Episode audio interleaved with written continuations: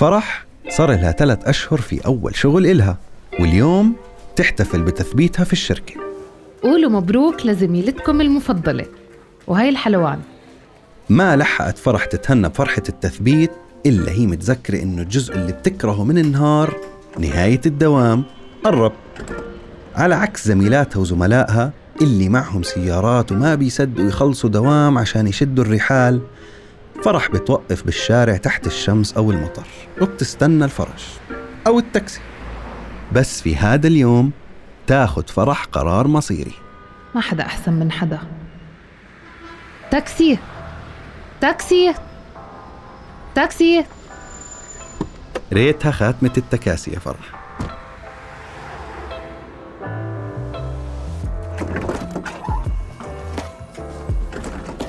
مرحبا. بدي سيارة. قصدي مصاري. قصدي قرض قرض سيارة. مرحبا أنا مريد. رح أرافقكم في بودكاست مالي ومالك من بنك الاتحاد. اللي بنتعرف فيه على أساسيات الممارسات المالية السليمة وكيف نستفيد من الخدمات البنكية في مختلف مراحل حياتنا. مرحبا. أنا جاية أخذ قرض. شو لازم أعمل؟ ولا يهمك. حضرتك بتشتغلي؟ الحمد لله تثبت بشغلي اليوم. ألف مبروك. حلو. إذا لازم نفتح لك حساب راتب ومن بعدها بتصيري قادرة تطلبي قرض. شو بستفيد من هذا الحساب غير إني بقدر أخذ قرض؟ هذا الحساب بيوصلك عليه راتبك بشكل شهري. تودعي راتبك فيه وتسحبي منه براحتك. والحلو فيه هو إنه ما بتترتب عليه رسوم. لو بدك تطلعي بطاقة قيد فوري أو دبت. وما في حد أدنى للرصيد.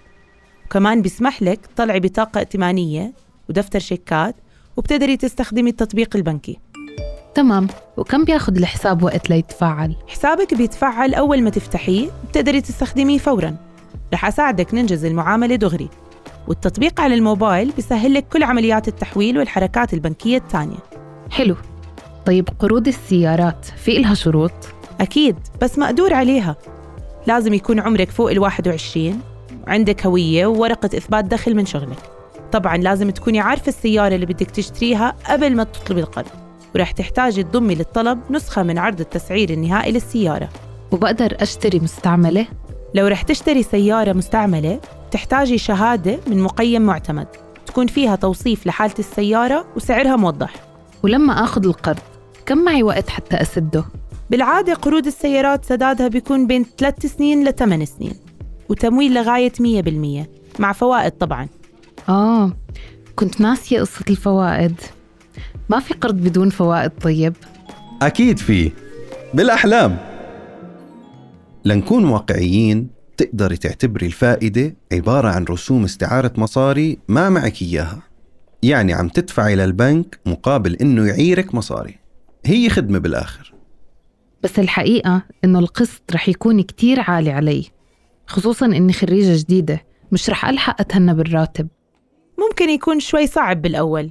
معك حق. بس أنا رح أحكي لك نصيحة وأنسى إني بشتغل في بنك. كنت بمكانك من عشر سنين. لو عم تفكري جديا تشتري سيارة رح تحتاجي توزعي نفقاتك وترتبيها. لتعرفي لو أنت قادرة تاخدي قرض. يعني بدك تفكري لو أنت مستعدة تدفعي 20 ل 30% من راتبك شهريا لتسدي القرض.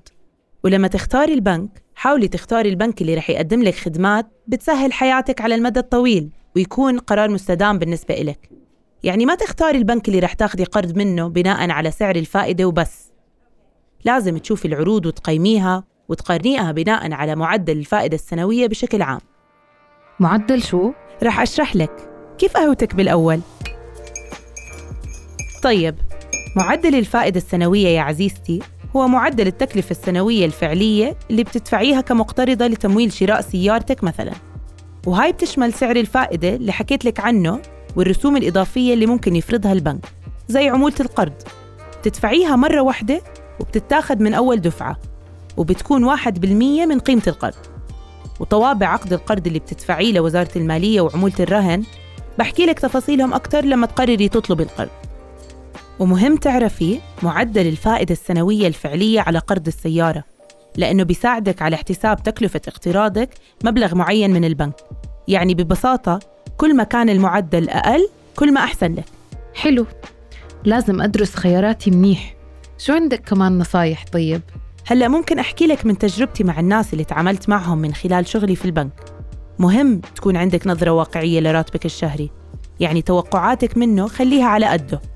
وتذكري إنه السيارة بتيجي معها مصاريف يعني البنزين والصيانة وبدك تشوفي قطع الغيار قديش متوفرة في البلد والتأمين على السيارة. هيك أشياء.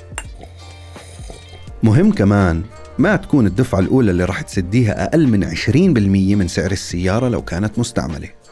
أما لو كانت جديدة فيستحسن ما تقل عن 10% من سعرها. ولو ما قدرتي على هاي النسب ادفعي اللي بتقدري عليه عشان تريحي حالك لقدام.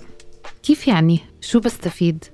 يعني كل ما زادت قيمة الدفعة الأولى بيقل مبلغ القرض المطلوب في الشهور اللي بعدها وبتقل مدة السداد هذا غير إنه السيارة الجديدة تحديداً تنزل قيمتها من بعد شرائها فلو دفعتي دفعة أولى قيمتها قليلة رح تصفي كأنك مديونة للبنك بمبلغ أعلى من قيمة السيارة نفسها فهمت قصدك طيب بدي أسألك كمان شو هي الدفعة الشهرية المنطقية لقرض السيارة؟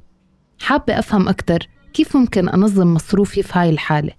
لو عم تفكري بسيارة من ثالث شهر إلك بالشركة يعني مش رح تشوفي إشي من راتبك.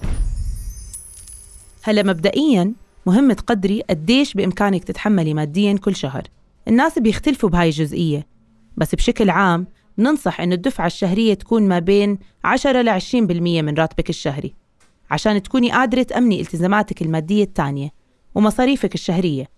وكمان تكوني قادرة تخلي معك مبلغ معين للطوارئ غير المتوقعة لا سمح الله.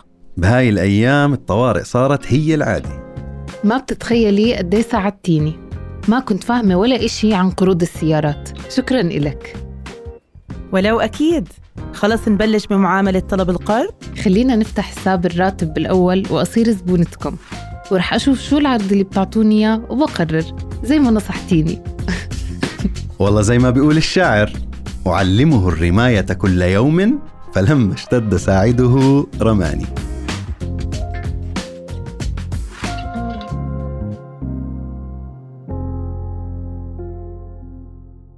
بهاي الحلقة تعرفنا على أنواع الحسابات المتاحة بالبنك وكيفية تقييم قرض السيارة حسب دخل واحتياجات الفرد.